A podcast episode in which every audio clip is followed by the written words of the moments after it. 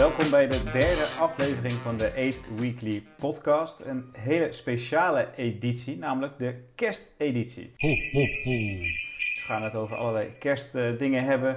En op tafel staan al de kaarsjes branden, de, de kerstboom staat aan. Het ziet er allemaal weer prachtig uit. En ook pepernoot op tafel mag niet vergeten worden natuurlijk. Ja, aanwezig vandaag zijn uh, uw uh, host, mag ik het zo noemen, Fik. En naast mij ook Sanne en Jorien. Helaas zonder Jesse in deze Jingle Bell editie, maar we gaan gewoon even lekker over kerst hebben.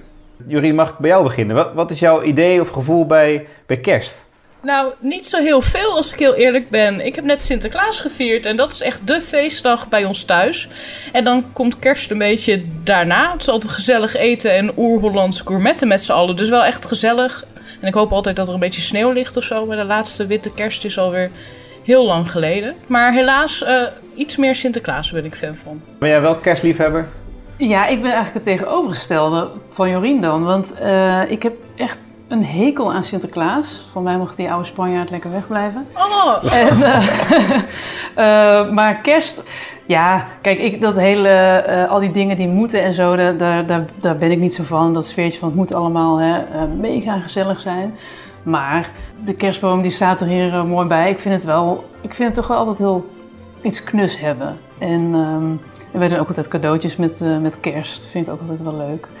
Een van de fijnste dingen aan kerst vind ik dat het altijd stil is rondom kerst. En dat bedoel ik qua werk en zo. Het, is echt, het zijn echt de enige weken in het jaar dat gewoon iedereen volgens mij vakantie heeft. En ik ben freelancer en dat, dat vind ik altijd wel heel prettig. Want dan heb ik het gevoel dat ik zelf ook even tot rust kan komen. Maar Vic, ik moet je even complimenteren met je trui. Want je hebt echt ja. de meest coole kersttrui aan die ik ooit heb gezien. Ja, ik zou, ik zou een beetje omschrijven wat het, uh, wat is. Het is echt een heuse 3D kersttrui met een, uh, allemaal sneeuwbollen erop en een ijsbeer met een uh, kerstmus en een sjaaltje. Nee, ja, dit, dit, vind ik eigenlijk het leuke aan kerst, dat iedereen zich zo, zo'n gekke trui bijvoorbeeld aantrekt. En ik vind een kerstboom leuk, dat geeft ook inderdaad een soort van gezelligheid of met z'n allen in de kou voor de open haard. En dan ga ik veel meer in, ook in de richting van Sinterklaas, wat, wat meer een, iets is wat je met je vrienden doet. En dat vind ik veel leuker. En ook als kind gewoon veel mooiere herinneringen uh, bij Ja. dan, met, dan met kerst. Ja.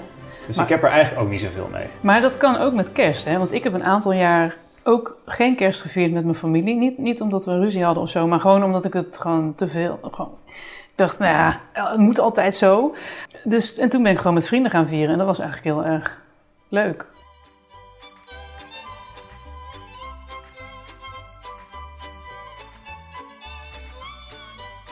Kerstnummers. Het is eigenlijk een genre aan zich. Dus wij Mhm. dachten van, nou, we gaan kijken, van, we kennen alle klassiekers wel. Maar wat zijn nou nieuwe nummers die dit jaar zijn uitgebracht, die er wellicht over 50 jaar nog steeds op de radio te horen zijn? Nou, ik had het echt het grote genoegen om een, ehm, het- nieuwe kerstnummer te beluisteren van, ik mag wel zeggen, de Queen of Christmas Songs, Mariah Carey. Ehm, en zij heeft namelijk een nieuwe kersthit gemaakt, eh, samen met Khalid en, en dan moet ik even kijken, want die andere ken ik niet zo goed, Kirk Franklin. Kennen jullie die wel? Dat is een bekende gospel eh, eh, zanger. En die leidt gospelkoren en zo. En ehm, dat nummer, dat heet Fall in Love at Christmas. En ehm, ja, het is zoals de titel doet vermoeden echt mierzoet.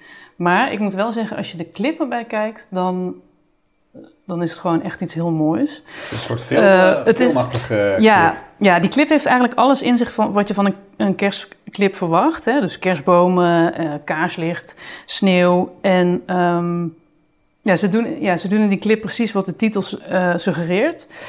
Maar het is wel heel spannend opgebouwd. Dus die clip begint met dat je iemand in een grote dikke jas, in een, in een rode broek ziet aankomen op een besneeuwde trap. En even later blijkt dus dat dat Khalid was. En die zit dan op de bank in huis bij Mariah Carey. En die zit haar zo verliefd aan te kijken dat je echt denkt, nou, Het is bijna ja, echt. Het is, het is bijna echt, ja. Ik, ik zou het geloven. En je, je merkt ook dat bij Mariah, die is in het begin zit ze een beetje zo van, zit ze ook ergens anders naar te kijken en zo, want ze voelt zich een beetje, ja, ongemakkelijk of gevleid of zo. Later kom je er ook achter dat er kennelijk nog een heel gos- gospelkoor in die kamer zit. Maar op een gegeven moment dan komt Mariah er ook wat meer in. En ze zit ook gewoon lekker in een soort Chicago Bulls truitje. En uh, vestje naar beneden, hè, de schouders bloot. En dan gaan ze Scorpino drinken. Dus dan zitten ze lekker uh, te genieten van een heel groot wit glas Scorpino. Dat vond ik nogal of, Wat is Scorpino? Ja, dat is een... Nou, dat uh, zal ik de volgende keer wel meenemen. Dat is een lekker alcoholisch drankje. Een soort heel dikke een, ja, een dikke witte substantie. Gaan we, gaan we toch een keer dus een dronken podcast opnemen? Ja, laten we dat doen. Um, maar ja het, is, ja, het is echt ongelooflijk. Ze zitten daar op die bank naar elkaar te zingen. En um, ja, ze schelen 30 jaar, maar het is, nou ja, het is gewoon echt een heel mooi, heel mooi koppel. En op een gegeven moment gaat Mariah ook naar buiten. In een gouden jurk staat ze dan in de sneeuw te zingen. En Khalid die komt er dan af en toe achterlangs lopen. En nou ja, het is heel romantisch. Het is gewoon... Uh, ja, geniaal eigenlijk. En dan op een gegeven moment, op drie kwart, dan slaat het hele nummer om. En dan komt dus dat gospelkoor erin. En nou ja, dan is het gewoon helemaal compleet. Dan zitten ze buiten, of binnen met z'n allen bij het haardvuur. En dan komen de kinderen van Mariah er nog bij. En ja, dan is het gewoon, uh, ja, heerlijk. Heerlijk. Dus gaat dit net het echte kerstgevoel? Het echte kerstgevoel. Gaat het net zo'n klassieker worden als uh, All I Want For Christmas? Nou, ik heb hem nu dus twee keer geluisterd. En de tweede keer zat ik er al best wel lekker in. En toen dacht ik, misschien niet zo groot, maar ik kan me toch voorstellen dat hij wel wat gaat doen. Fall in Love with Christmas. Ho, ho, ho. Nou, ik, ik had uh, zelf eentje ook, eigenlijk uh, passend bij wat ik nu aan heb, een mooie kersttrui. De Christmas sweater van King Christmas cover, Michael Bublé. Ik bedoel, welk kerstnummer heeft hij eigenlijk inmiddels niet uh, gecoverd. Maar dit is wel zijn, uh, zijn eigen nummer. En uh, nou, ik zal ook een beetje op de clip ingaan. Eigenlijk wordt het vanuit het perspectief gezien van een kersttrui. En die hangt het hele, hele jaar maar in de, in de kast. En heel alleen. Oh. En die, die ziet dan de, de, de persoon, de eigenaar, dat is een, zo'n vrouw. En die trekt eigenlijk nooit die kersttrui meer aan. Want doe je, doe je alleen met kerst. Nou, ik denk dat mijn trui, die kan zich daar echt heel erg mee identificeren. Want die ligt ook het hele jaar in de kast en die komt er drie keer eh, per jaar, uh, drie dagen uit. En voor de rest uh, niet. En die is op zoek naar een, een partner, en een, eigenlijk een andere kersttrui. Dus na alle feestdagen komen een beetje, beetje voorbij. En dan met kerst komt het, komt het samen en dan is persoon heeft dan dus ook een andere persoon gevonden die ook een kersttrui aan heeft. Die, die twee kersttruien die vinden het dan ook wel leuk dat ze elkaar gevonden hebben. Uh, dus de clip is leuk. Alleen vind ik, ik vind het nummer geen echt kerstnummer. Mm. Dus het, je ziet, het, het wordt kerst omdat het een kersttrui is. En niet zozeer omdat er een bepaald kerstdeuntje in zit. Of dat het... Geen bellen? Uh, nee, dat, de belletjes mis je misschien. Of ik heb even niet heel erg uh, goed geluisterd. Maar ik mis een beetje net echt een kerstvrij. Het zou ook gewoon een popnummer kunnen zijn geweest die een beetje over liefde gaat. En dat ja. kan je op zich elke tijd van het jaar kan je dat uitbrengen. Dus ja, voor, de, voor de cuteness factor is het, uh, vind ik het leuk, want het is echt een lieve clip met die trui die ook eigenlijk een beetje zingt. Dat, dat, dat uh, editen ze dan zo. Ja, er dat zit een mondje op die trui, ja. kerstslinger, toch? Ja, dat heb ik ook gezien. Dat ziet er echt uh, heel, heel schattig uit en je, gaat echt, je hoopt echt dat die kersttrui een andere kersttrui gaat vinden. Maar buiten dat vind ik het geen echte kersthit. Met de kersttrui terug in de kast. Ja. Uh, ja, ik heb geluisterd naar Krampus van de Lethums. En ik zou het vast helemaal verkeerd uitspreken. Uh, maar die had ik vooral gekozen omdat ik de titel Krampus, Krampus, heel erg leuk vond. Want dat deed me denken aan Sinterklaas. Want in de folklore, een beetje uit Oostenrijk, is Krampus... Het is echt een soort monster met twee hele grote hoorns en een harige poten. En het ziet er niet uit. Is het hulpje van Sinterklaas. Die hebben ze daar wel, Sint-Niklaus. En uh, dat is echt in plaats van dat wij Pieten hebben en daar soms nog altijd discussie over is, hebben ze daar echt een soort monster als hulpje van Sinterklaas. En in Rotterdam heb je ook een krampusloop. En dat is allemaal heel leuk om te zien. En eigenlijk heb ik het nummer verder wel geluisterd, maar moest ik daar steeds aan denken. Ik denk, wat heeft het verder met kerst uh, te maken? Maar het is een nummer dat ook niet echt veel kerstbellen heeft en een heel erg kerstig sfeertje. Maar het gaat over, uh, ja, nou, ze worden onder andere bedreigd doordat uh, die Krampus, waar ze bang voor zijn, dat hij langskomt. Ik vond het interessant, zou ik het zo omschrijven. Dan ben ik nog positief voor een kerstnummer. Is het een soort Grinch-achtig of zo? Is dat een vibe die, die ik dan moet krijgen? Hmm, nee, nou daar krijg ik een hele andere vibe bij, moet ik zeggen. Die echt per se kerst haat en zo. Dit is gewoon een soort ja, monster uit de oude folklore. Dat, uh, ja, langskomt. Maar wel een beetje een uh, negatievere sfeer, kerstsfeer in die zin. Ho, ho, ho.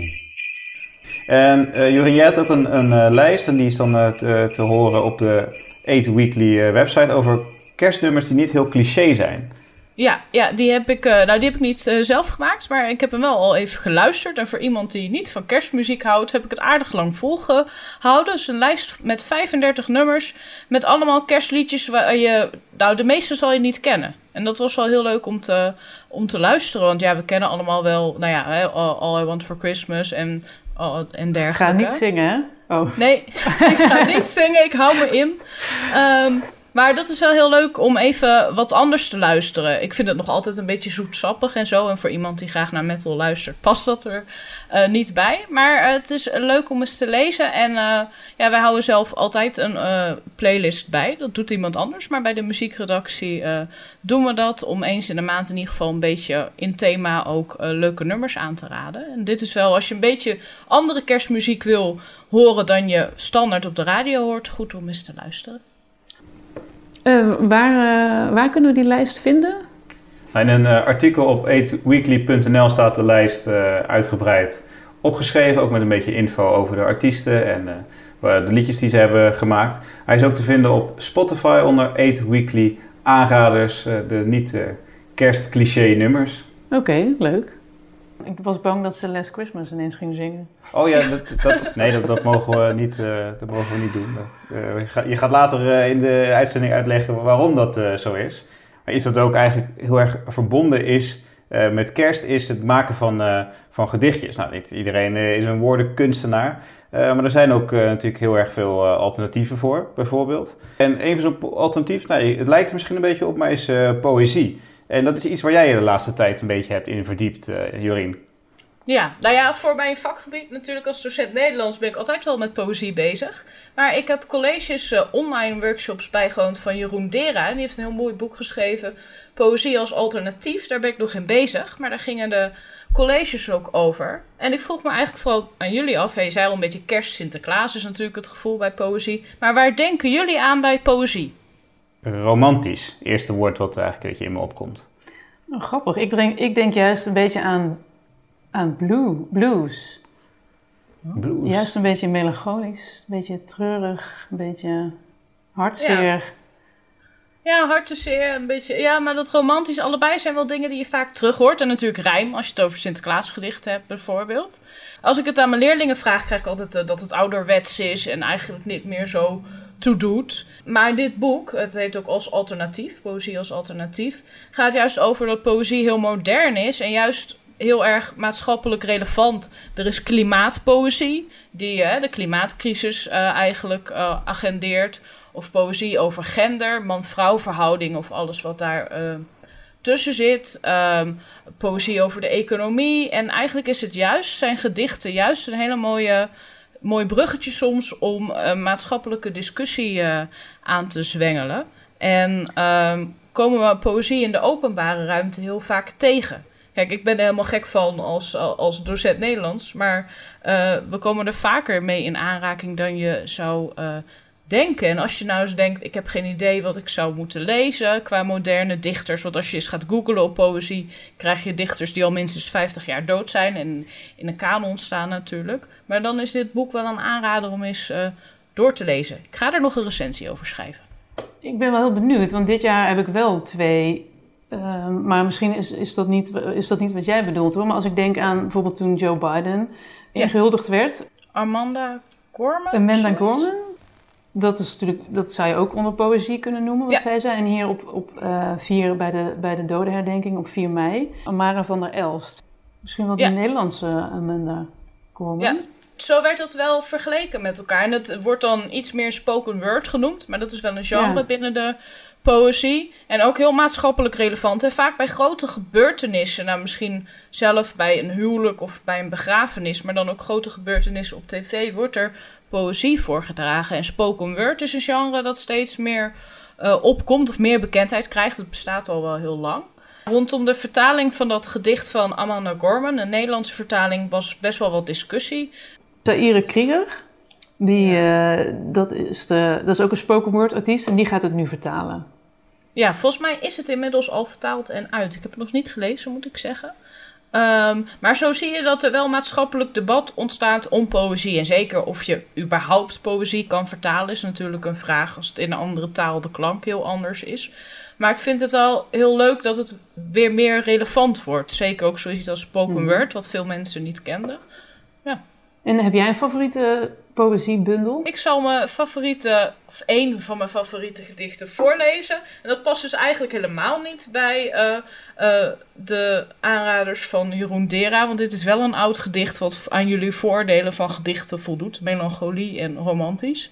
Eh, aan Rika van Piet Paaltjens. Slechts eenmaal heb ik u gezien. Gij waart gezeten in een sneltrein die de trein waar ik mee reed passeerde in volle vaart. De kennismaking kon niet korter zijn. En toch, zij duurde lang genoeg om mij het eindeloos levenspad met fletse lach te doen vervolgen. Ach, geen enkel blij glimlachje liet ik meer sinds ik u zag. Waarom ook hebt gij van dat blonde haar, waar de engelen aan te kennen zijn? En dan, waarom blauwe ogen, wonderdiep en klaar? Gij wist toch dat ik daar niet tegen kan? En waarom mij dan zo voorbijgesneld en niet als het weerlicht het rijtuig opgerukt en mij om mijn hals uw armen vastgekneld en op mijn mond uw lippen vastgedrukt. Gij vreest het mogelijk voor een spoorwegramp, maar Rika, wat kon zaliger voor mij zijn dan onder hels geratel en gestamp met u verplet te worden door één trein.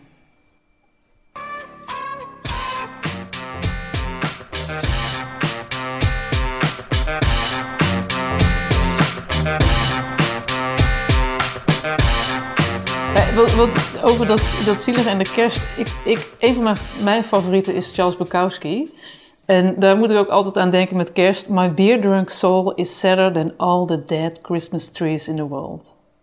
Nou, Oh. dat, eh, dat, dat past voor mij wel bij het beeld van, van poëzie. Maar het is allemaal een beetje, wel een beetje duister. eh. Nee, ik, ik was eigenlijk bezig met een eh, bruggetje van duister en een schaduwlijstje. En eh, er was namelijk iemand die een schaduwlijstje had voor eh, de, dus ook de, de kersthaters eh, onder ons. Van wat kan je eigenlijk wel lezen of doen of kijken als je even helemaal niks van alle kerstreclames, liedjes en filmpjes wil meekrijgen. Ja, nou, ik heb inderdaad een schaduwlijst gemaakt, maar die is wel geënt op film. Dus ik dacht van, er zijn altijd heel veel kerstfilms. Er staan nu de heel internet weer mee vol met deze moet je kijken en die moet je kijken. Maar ik dacht inderdaad, voor alle anti-kerstfans heb ik hier een top 3 gemaakt. En eh, op nummer 3 staat een film gebaseerd op de roman van eh, James El- Elroy. En dat is L.A. Confidential. En toevallig hangt daar een hele grote poster eh, als je achter je kijkt, Dick. Die film is van Curtis Hanson uit 1997 en die speelt zich af rond kerst in het LA van de jaren 50. En in elke scène zie je wel eh, kerstbomen en kerstlichtjes en sneeuw. Alleen wordt die sneeuw, die, die begint vaak wit, maar die eindigt rood. Van, van het bloed dus. Hè? En het draait eigenlijk om drie agenten. Ehm, Guy Pearce, Russell Crowe en Kevin Spacey. Dus ook best wel echt een, eh, een leuke sterrenkast. En die moeten een moord onderzoeken, maar alle drie houden ze zo hun eigen zaakjes op na. Dus Guy Pearce is een beetje de, degene die alles volgens het boekje willen doen. Een beetje eh, die bij de baas in het goede licht wil staan. Eh, dan heb je natuurlijk eh, de bikkelharde en dat is Russell Crowe. En de smerige, en dat is, mag misschien geen verrassing zijn, Kevin Spacey. Ehm, en dan is er nog een hele leuke rol voor eh, eh, Danny DeVito. Dat is een, eh, een roddeljournalist van het blad Hush Hush. En Kim Basinger doet ook mee en zij won een Oscar voor haar rol. En ja, de film duurt 2 uur en 18 minuten, dus hij is lekker lang. Dus als je echt even af wil zonderen, eh Vic, dan kun, je, kun je Nou. misschien ook een keer deze film gaan kijken. Klinkt goed. En op de nummer twee, eh, dan gaan we helemaal naar de andere kant van Amerika. Dat is namelijk een film die zich afspeelt rond kerst in New York. En dat is Eyes Wide Shut. En dat is de laatste film van Stanley Kubrick. En die is ge- gebaseerd op het boek Traumnovelle van Arthur Schnitzler. En ehm, die film komt uit 1999 en Nicole Kidman en Tom Cruise spelen daar de hoofdrol in. Een getrouwd stel. En dat was ook voor hun de laatste film samen, want daarna gingen ze dus eh, eh, uit elkaar. En ehm, ik, het is denk ik toch wel echt mijn favoriet van, eh, van, van Kubrick. Een erotisch psychologisch drama. En het gaat eigenlijk over een koppel. eh, Nicole Kidman, haar karakter, die vertelt eigenlijk Nee, sorry. Tom Cruise, een karakter die vertelt dat hij ehm, nooit jaloers is, omdat hij toch wel denkt dat vrouwen nooit vreemd gaan. En dan uh, nou, zegt Nicole Kidman's karakter dat ze toch bij de vorige vakantie een hele leuke marinier was tegengekomen en had overwogen om, nou ja, weg te gaan. Um, en dat is echt zo'n nou ja, daar kan het karakter van Tom Cruise helemaal niet bij. En die gaat op een soort nachtelijke odyssee door uh, New York. Um, dus tijdens kerst. En die komt allerlei hele interessante, rare, gekke uh, dingen tegen. Dus, en die film, dat is, dat is misschien nog wel leuk om te zeggen. Um, dat is de film nog steeds in het Guinness Book of Records met de meeste opnamedagen ooit achter elkaar. Namelijk 400 draaidagen. En dat is echt goed of slecht, mega uh... veel. Ja, goed of slecht. Het was een ontzettende mierenneuker, uh, die Kubrick. En er zijn soms scènes dus bij. Dus één scène rond een biljarttafel. Daar hebben ze gewoon drie weken over gedaan om één, één scène op te wow. nemen. Um, maar de film duurt maar 2 uur 39. Dus hij duurt wel oh, lang. Maar, maar uur, nee, gezien okay. de opnamedagen is het nog vrij kort. En dan de nummer 1. Uh, dit, deze is echt voor de haters. Er zit ook eigenlijk helemaal niks kerstigs in deze film. Um, behalve dat het gaat over goede wijnen en bijzondere gerechten. En dat is Silence of the Lambs.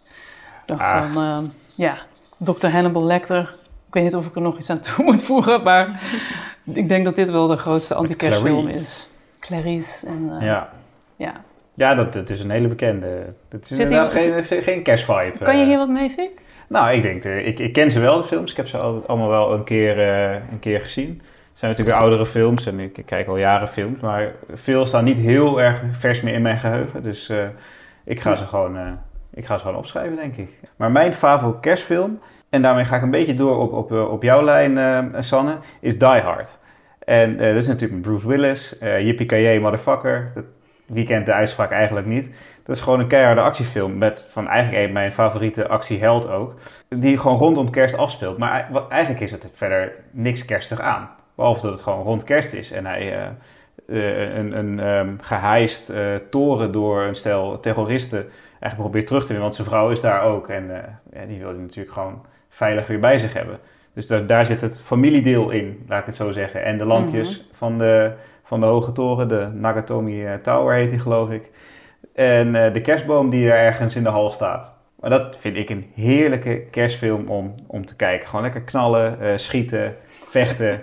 Nou, uh, ik hou, kan dat soort films ook wel waarderen hoor. Maar het stomme is dus dat ik, ik want ik heb het volgens mij wel eens laten vallen, dat ik wel een zwak heb voor Bruce Willis. Maar de, deze film heb ik nog nooit gezien, dus ik ga deze zeker je hebt Die Hard nog nooit gezien? Nee, nee heel stom. Wel een latere Die Hard, maar die eerste dus niet. Dus ik, um, ja, die, die moet, een, moet ik echt even inhalen. Hoor. Dus die ga ik zeker kijken. Ho, ho, ho. Ja, voor mij is het wel mijn favoriete kerstfilm of romantische comedy misschien in het algemeen. Ik hou niet per se heel erg van romantische comedies, maar Love Actually, ja, tussen kerst en oud en nieuw wordt hij ook wel op tv uitgezonden. En dan val je er soms zo middenin en dat kan gewoon als je die film al hebt gezien. En dat geeft me altijd wel een goed, goed gevoel. Het is wel grappig, er zitten natuurlijk ook trieste momenten in. Um, ja, en ik vind dat wel een goed, goede film van nou ja, Sanne weet vast hoe dat heet als je al die verhaallijnen door elkaar ziet in een Ja, zo'n mozaïekvertelling. Ja, dat vond ik was voor mij de eerste keer dat ik ooit die film zag, dat ik zo'n film zag en ik dacht, nou oké, okay, als het dan een saaie romantische comedy is, dan kan ik er wel tegen als er zo'n mo mozaïekvertelling in zit. Maar er zijn natuurlijk heel veel films gemaakt die er een soort slap aftreksel van zijn. Maar Love Actually ja. kan, er, uh, kan er wel bij. En vroeger... Uh, keken we altijd Home Alone. Maar daar ben ik wel een beetje overheen gegroeid. Maar wat is dan jouw favoriete, ben ik toch benieuwd naar, want je zei al een mozaïekvertelling. Wat is jouw favoriete koppel dan, of, of personage uit Love Actually? Nou, ik weet niet of ik de een heb. Ik moet altijd heel erg lachen om die, om die zanger. Oh ja, ja, ja. ja. Ik weet ook even niet de naam. Bill die, Nye die, heet hij? Ja, ja Bill Nye, die dat gaat, gaat zingen.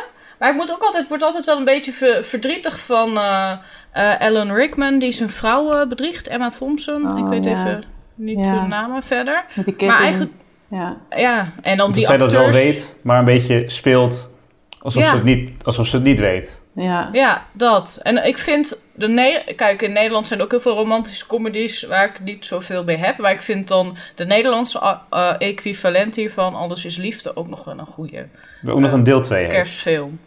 Is daar een deel 2 van? Er zijn twee Alles is Liefdes, geloof ik. Oh, Klopt. dat ben ik is dan alweer Er is een deel vergeten. 2 van, maar die heet Alles is Familie, deel 2. Ja. Oh ja, oh ja, die heb ik gezien. Die heb ik ooit op tweede kerstdag gezien. Toen gingen we als traditie doen dat we tweede kerstdag naar de bioscoop gingen. Maar die traditie is wel weer snel voorbij gegaan. Na die film. ja, snap ja, zo ongeveer. Ja, Na alles is familie. Ja. dan was het klaar. Oh. Ja. ja. Maar heb jij dan een favoriet eh, in, eh, in Alles is Liefde? Of de Love Actually bedoel ik eigenlijk? Nee, ja, eigenlijk ook die, die gast. En ik, ik vind, eh, ik hou altijd heel erg van als er gedanst wordt in films en Hugh Grant die zo, die zo Ja, eh, oh, als oh, prime is minister leuk. met zijn Ja. kontje gaat schudden zo door dat eh, huis. Waar, ik weet Ja. niet meer, een Pointer Sister nummer of zo. Dat vind ik Ja. wel, eh, vind ik toch wel grappig. Nou, als ik jullie zo horen, ga ik nog bij dat denken. Heb ik hem ooit niet gezien. Want ik vond dit altijd verschrikkelijk als deze op eh, tv was. Misschien ben je in de war met Sissy. nou, ik, ik, denk- het- ik, ik heb altijd een beetje net, net iets... eh, het is net too much of zo. Nou, ik Dus vind dat- het mooie hiervan bij Love Actually echt wel dat er heel verschillend. Het is niet allemaal zoetsappig. Er eindigen ook dingen niet goed. Relatief natuurlijk het meeste ja. wel. Maar het is ook niet allemaal heel erg mensen die heel erg van kerst houden of zo. Dus van al die mozaïekvertellingen en kerstfilms, waar ik eigenlijk niet zo van hou, denk ik, nou, bij dit is het goed uitgebalanceerd. Maar anders heb je altijd nog Silence of the Lambs. Ja, ja. En ik, ik wil graag nog een eh lans breken voor een, eh, een kerstfilm. Wat ook een beetje een eh, ander type kerstfilm is. Dat is Office Christmas Party. En dat is onder andere met Jason Bateman en ehm, Jennifer Aniston. En het is eigenlijk gewoon het kerstfilm in een ander jasje. Echt veel meer comedy. Het, dit is een, ehm, eh, ja, ze werken eigenlijk bij een, een, een groot bedrijf. En eh, Jennifer Aniston is daar de baas van en die is heel zakelijk. En die eh, nou, financiën gaan niet helemaal goed. En ze zegt van ja jongens, jullie moeten allemaal eh, doorwerken met kerst.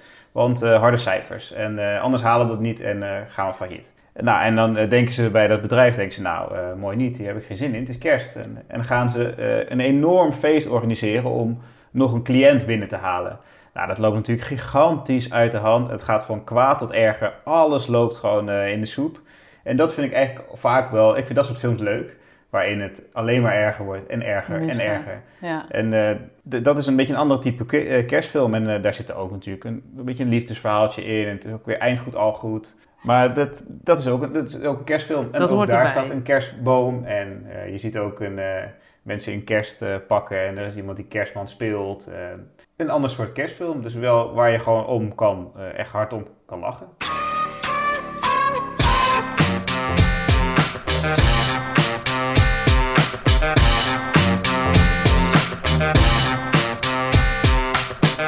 Dan eh, eigenlijk nog een puntje, even een beetje terugkomen op een eh, eerder onderwerp, maar eh, kerstnummers. Want eigenlijk kunnen we toch ook niet aan ons voorbij laten gaan, de klassieke bekende kerstnummers. En iedereen heeft denk ik wel zo zijn favoriet. Eh Sander, zou ik bij jou beginnen? Heb jij een favoriet kerstnummer waar je altijd aan denkt? Of die je honderd keer opzet op de kerstavond, eerste, tweede kerstdag? Nee, Eh, nee, maar ik heb wel eh, dat ene nummer van Driving Home for Christmas van, eh, hoe heet die? Chris Ray. Chris Ray, ja, met die hele lage stem. Ja. Dat, eh, dat vind ik altijd wel een gezellig liedje, maar ik zou het niet zo opzetten. Maar als ik op de radio hoor, dan denk ik altijd wel van, deze trek, ik- deze trek ik wel. heeft een iets minder vrolijke tune wel. Maar ik vind hem wel ook, zelf heel mooi. Hij hij staat ook Ja. in mijn top 3. Ik heb daar eh, ook bij eh Sleigh Ride van de Ronettes. Dat vind ik gewoon echt een heel vrolijk eh, nummertje. Dat, is, dat hoef ik ook Zing niet... eh, nou, dat gaan we niet doen. Dat denk ik voor eh, beide partijen beter als ik dat eh, even, even laat. Nee, maar gelukkig heb je internet en kan je Oh dat ja, straks gewoon mooi even opzoeken. En eh, eentje, eh, een, eh, een, die eigenlijk ook nooit niet genoemd mag worden. Last Christmas van, eh, van Wham. Oh jee. Ja, ik... Ja. Ja, dat eh, noemen mag nog wel, maar ga hem niet zingen, want ik doe dus mee met eh Whamageddon. Kennen jullie Ja, dat? pas op hoor. Dat is heel gevaarlijk. Dit is namelijk, dit wordt al sinds 2010, wordt dit kennelijk door, door duizenden mensen gespeeld. Of eh, miljoenen, weet ik niet. Maar ik doe pas sinds dit jaar mee. Het idee is dat je tussen 1 eh, december en 24 december niet eh, mag luisteren naar Last Christmas van Wham. En niet alleen niet luisteren, je mag het niet horen. Zodra je het hoort, ben je af. Dus dat is het spel. Eh, en dat is natuurlijk logisch, want het is heel moeilijk om dat te vermijden. Ik ben eigenlijk nu dus al acht dagen onderweg en ik heb het weten te vermijden. Dus daar ben ik heel blij om. Ehm, maar ja, het is, ja, het is gewoon heel gevaarlijk, want zodra je de supermarkt inloopt of de radio aanzet, ik bedoel, uh, Sky Radio hoef je echt niet op te zetten, want dan ben je binnen drie tellen af, denk ik. um, maar dat is het een beetje, ja. Dus maar iemand die het gewoon eh, op straat zingt, dat, telt dat ook mee? Nee, dat, dat mag, want de spelregels zijn dus van het is van 1 tot 24 december. Uh, en het gaat alleen om de originele uh, originele mix. Dus alleen Wem, maar je mag wel gewoon luisteren naar uit. Mag jij het best zingen, dan, dan ben ik nog oké. Dus wil je... Nou, nog steeds niet. Oh, oké. uh, en verder, ja, je, je, mag niet het opzetten hè, voor anderen. Dat, um, om, om, je mag het dus niet nu even op Spotify aanzetten om mij af te laten gaan of zo. En als je af bent, moet je het wel op social media melden. En dan met de hashtag Wemageddon. Dus... Uh, en aan mensen die nog mee willen doen, dat kan gewoon? Of moet je echt op die datum zijn begonnen? Ja, ik heb hem nog niet gehoord, dus ik zou je mag terugwerkende kracht Ja, precies. Voor mij mag je meedoen. Ja, het is wel, wel een probleem, want het is, dit is echt het kerstnummer van, van mijn dispuut. Ik heb in mijn studententijd bij een eh, studentenvereniging gezeten. We hadden altijd aan het einde van het jaar een uh, Sinterkerstborrel.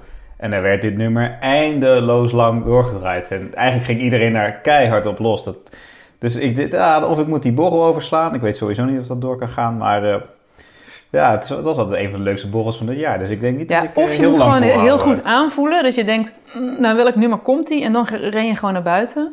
Dan sta ik de hele avond buiten. Ja, ja nee, dan, dan kan ik net zo goed niet naar de borrel gaan. Of op de dus, wc. Uh, ja, ja, de wc, dat doe ik af en toe met kerst nog wel eens, uh, inderdaad.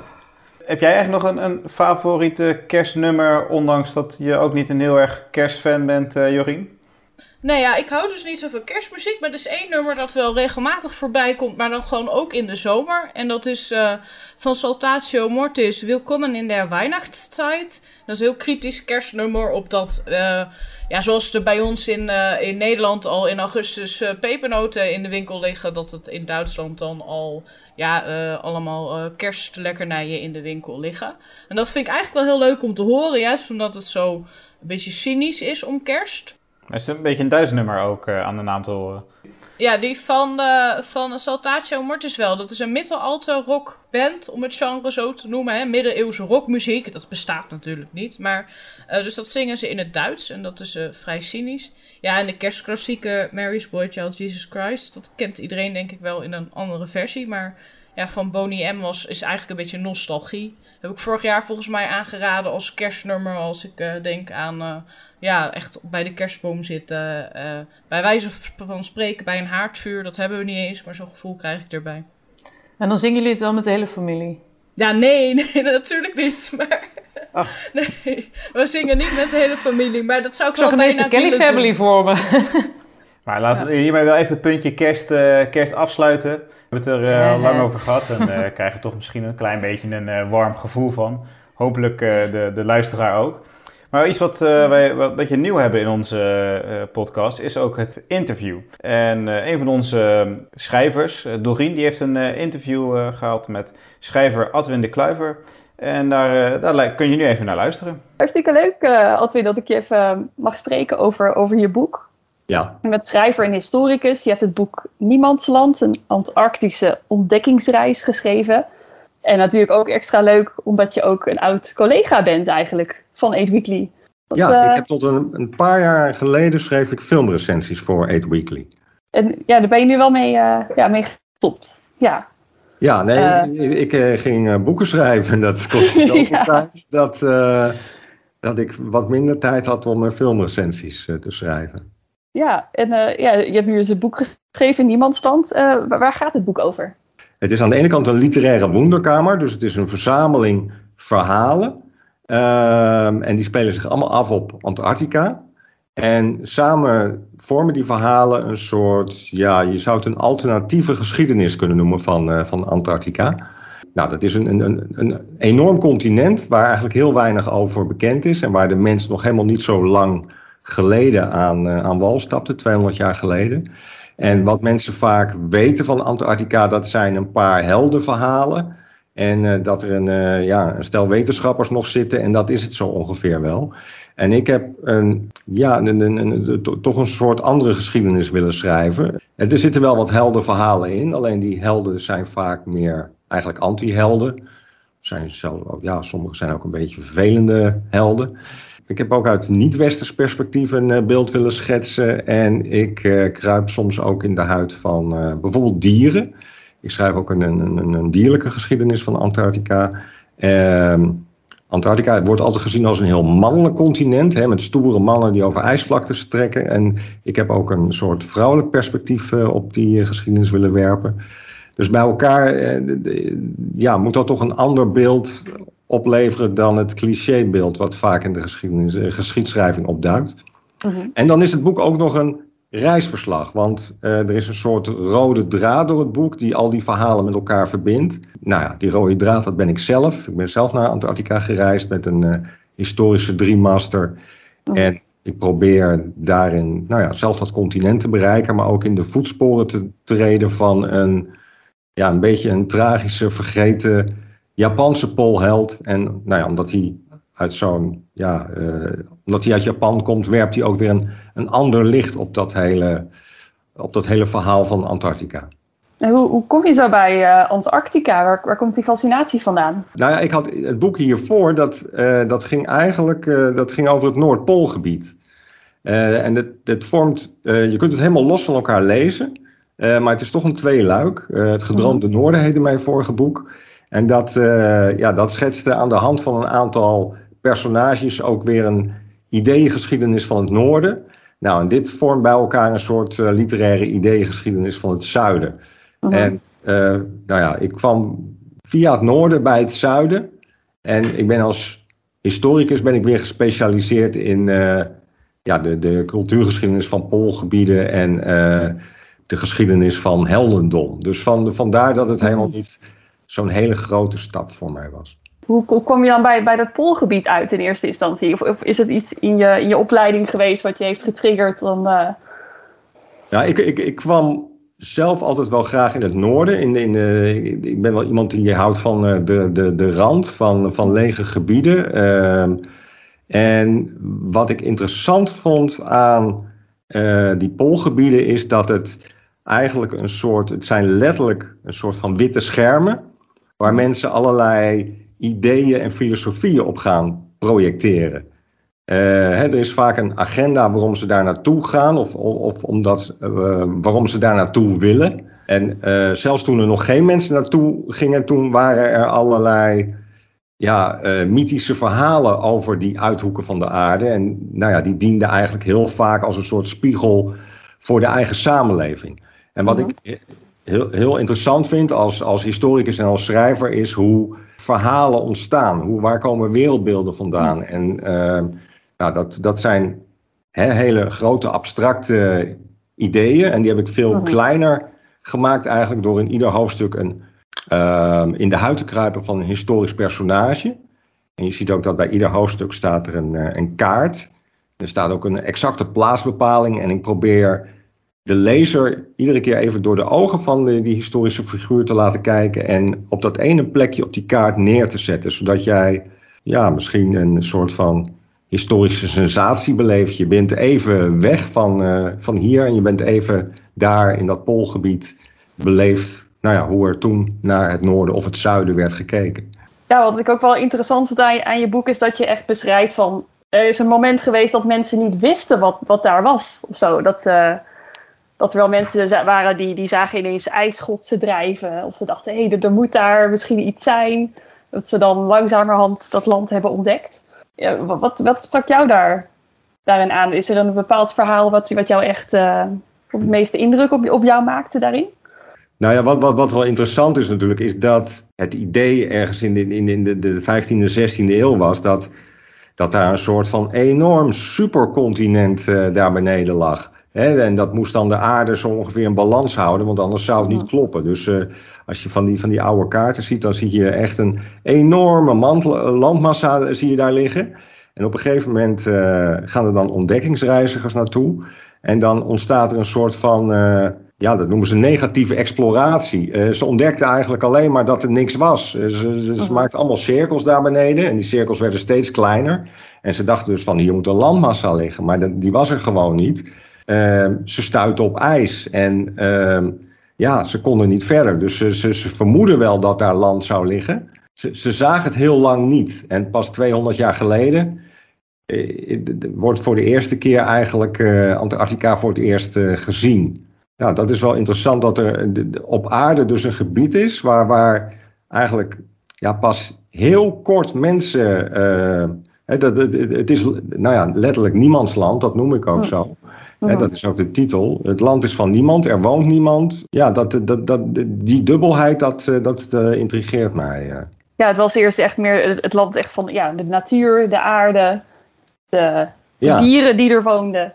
Ja. En uh, ja, je beschrijft dan ook hè, hoe de, de, de eerste, de pinguïns en de zeehonden, die mensen ontmoeten. En dat liep niet zo goed af voor veel van die dieren. Nee, nee. nee. De, de, dat is tegenwoordig zwaar beschermd, maar de, dat, ja, de, de eerste mensen die daar naartoe gingen, uh, ja, dat, de, de, de, de mens wil altijd ergens uh, gewin uithalen. Hè? Dus ze, hè, tegenwoordig zoeken we dan naar olie en gas. Nou ja, en toen mhm. zochten ze naar het begon met zeehondenjagers en die, die zochten daar huiden en vlees. En ja, er werd massaal op, op zeehonden gejaagd, later op, op walvissen. Die, die, die zeeën zijn aan het begin van de 20e eeuw helemaal leeggejaagd. Hè, dat is echt een soort van overexploitatie van, van de aarde op zijn maximaalst, wat je daar ziet. -huh. En ook ja, de, de, de pinguïns. je hebt daar natuurlijk ja, honderdduizenden pinguïns uh, rondlopen. En dat, dat, dat, dat, zijn beesten die zijn eigenlijk ook helemaal niet bang voor de mens.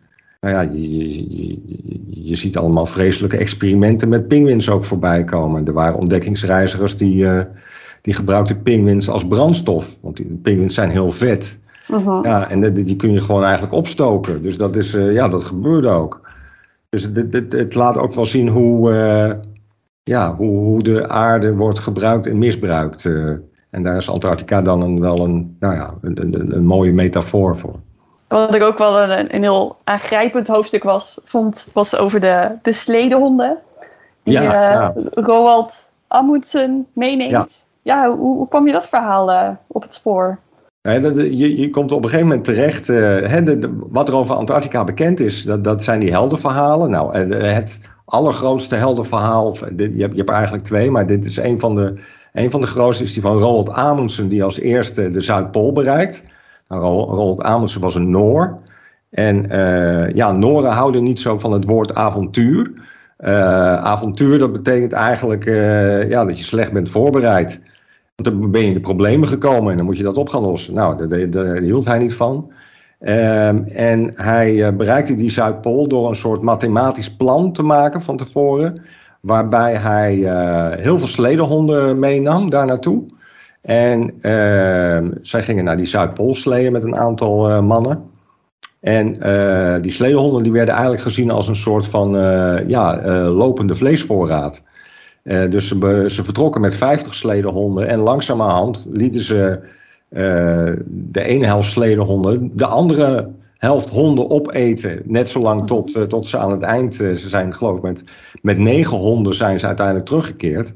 En de rest is ja, eigenlijk als, als, als voedsel gebruikt. Nou, dat, dat, dat vond ik interessant om dat, dat, hele verhaal nou eens vanuit die honden op te schrijven. Van hoe die, want die honden hebben eigenlijk, ja, die hebben het werk verricht. Die, die, die, die ontdekkingsreizigers, die hebben dat plan gemaakt. Uh, nou, die hebben echt wel geleefd onder extreme lage temperaturen. Alleen die, die honden die hebben de arbeid verricht en die hebben daar ook de prijs voor betaald. Nou, dat, dat, ja, dat is wel een, een heel uh, verdrietig verhaal eigenlijk. Ik maak ook op uit je boek dat die Roald eigenlijk helemaal niet wilde dat, dat die honden ook maar enige eer daarvoor kregen. Nee, nee, dat was, ja. ja. nee, dat was de, de, de, grootste belediging. Uh, hij, hij, concurreerde met de Engelsen, die wilden ook als eerste daar komen. En bij een, uh, een huldiging in Londen, uh, de, de, hij had als eerste dan de wedstrijd gewonnen, he, als de eerste de Zuidpool uh, bereikt. En toen eh, zei de spreekstalmeester tegen het publiek van, en dan wil ik nu graag drie hoeraatjes voor de honden. En dat, nou ja, dat was de grootste belediging die, die hij in zijn leven heeft meegemaakt. Ja, de, toen kregen die honden toch aandacht en hij, hij minder. Ja, mooi dat jij nog, toch nog een soort van eerbetoon aan de ja, nee, dat was een arme sledehonden hebt gebracht. En, en heb je eigenlijk ook veel verhalen moeten weglaten uit je boek? Ja, ik begin altijd met een hele lange lijst. Uh, ik, ik, ga eerst een soort van eh, ja, theoretisch kader ga ik dan scheppen. En dan ga ik kijken van welk geschiedverhaal wil ik nou vertellen. En dan maak ik dan een lange lijst met namen bij. Hè, wie, uh, rond wie wil ik een hoofdstuk opbouwen. En die lijst is eerst veel langer. Nou, op een gegeven moment zijn er dubbelingen of denk ik van ja, dit is te veel hetzelfde thema. Dus dan, uh, dan verdwijnen er weer uh, personages.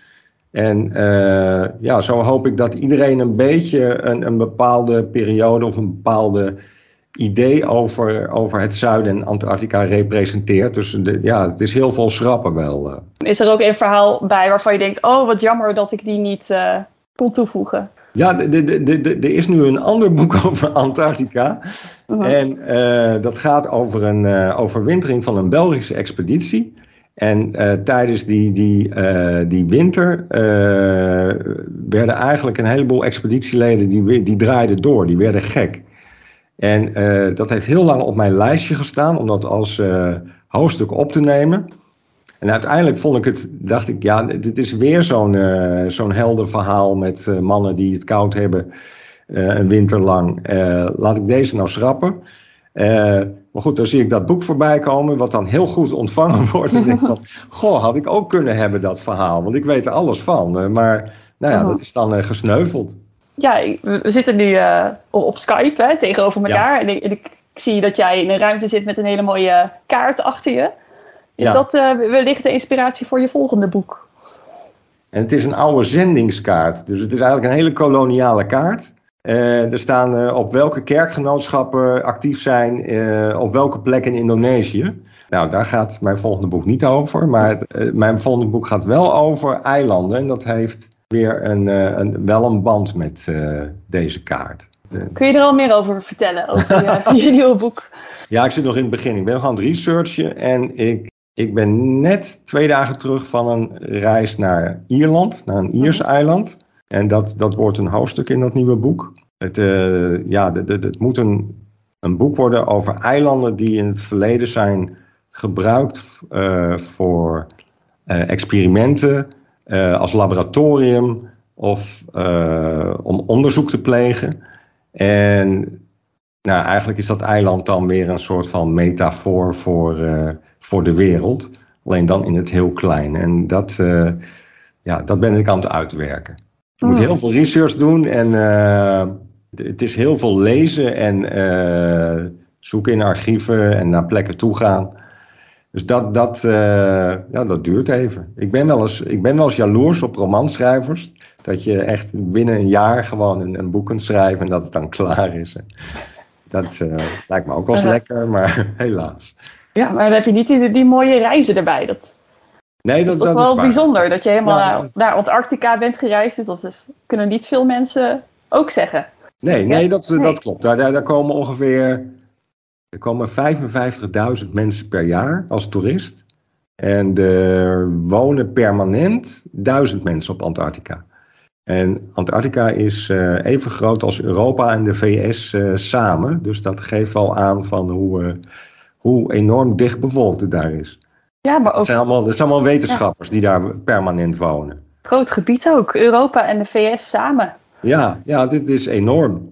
Het is een soort van, ja, de, de, de, de, planeet op een planeet. Dit is, eh, de, de, de mens is daar, woont daar bijna een soort van eh, ruimtestations. eh. Ja, het verhaal deed me ook wel een beetje denken aan de ruimtewedloop. En mensen die als eerste Ja, ja, naar de maan willen, naar Mars willen.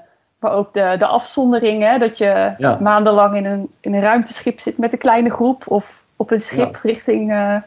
ze, ze, ze Ja. oefenen ook voor eh, Marsmissies eh, op Antarctica, omdat het eigenlijk eh, bepaalde delen daarvan, die lijken heel erg op Mars.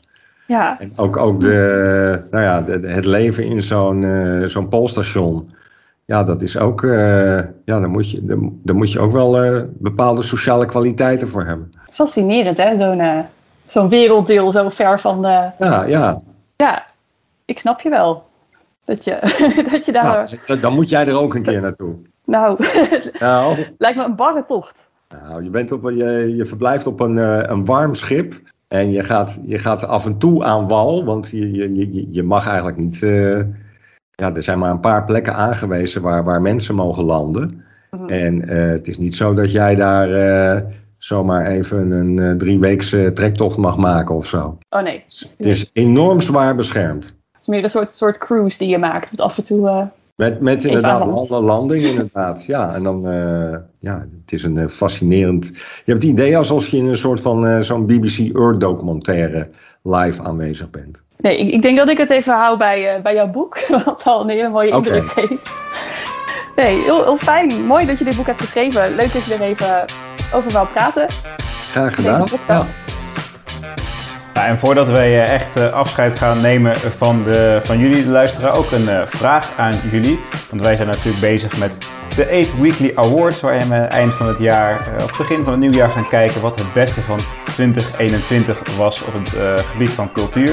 Dus jouw beste boek, beste film, beste cultuurevent van het jaar, als er eentje is die echt genoemd moet worden, die wij misschien over het, over het hoofd hebben gezien, stuur het door, geef het aan ons door, eh, persoonlijk of via gewoon 8 Weekly eh, DM op eh, Instagram. En dan gaan we erover praten in onze eindejaarsuitzending. Leuk, ik heb zin in. Ja, ik ook. Ik, lekker terugblikken op 2021 en dan de leuke, mooie dingen van hetgeen waar wij zoveel van houden. En dat is cultuur. Dus dan denk ik namens de 8 Weekly Podcast Crew wensen wij iedereen hele mooie feestdagen en tot de volgende.